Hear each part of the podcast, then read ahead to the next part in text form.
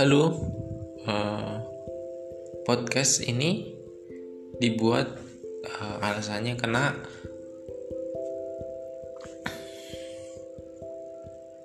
gue punya hal baik dan kenapa harus gue simpen. Gue tahu ada hal buruk, kenapa nggak harus dikasih tahu bahwa itu tuh jelek? ya jadikan uh, yang baik dan yang buruk menjadi suatu pelajaran supaya kita uh, lebih baik lagi. Dan semoga Allah memberikan rahmat untuk kita semua. Amin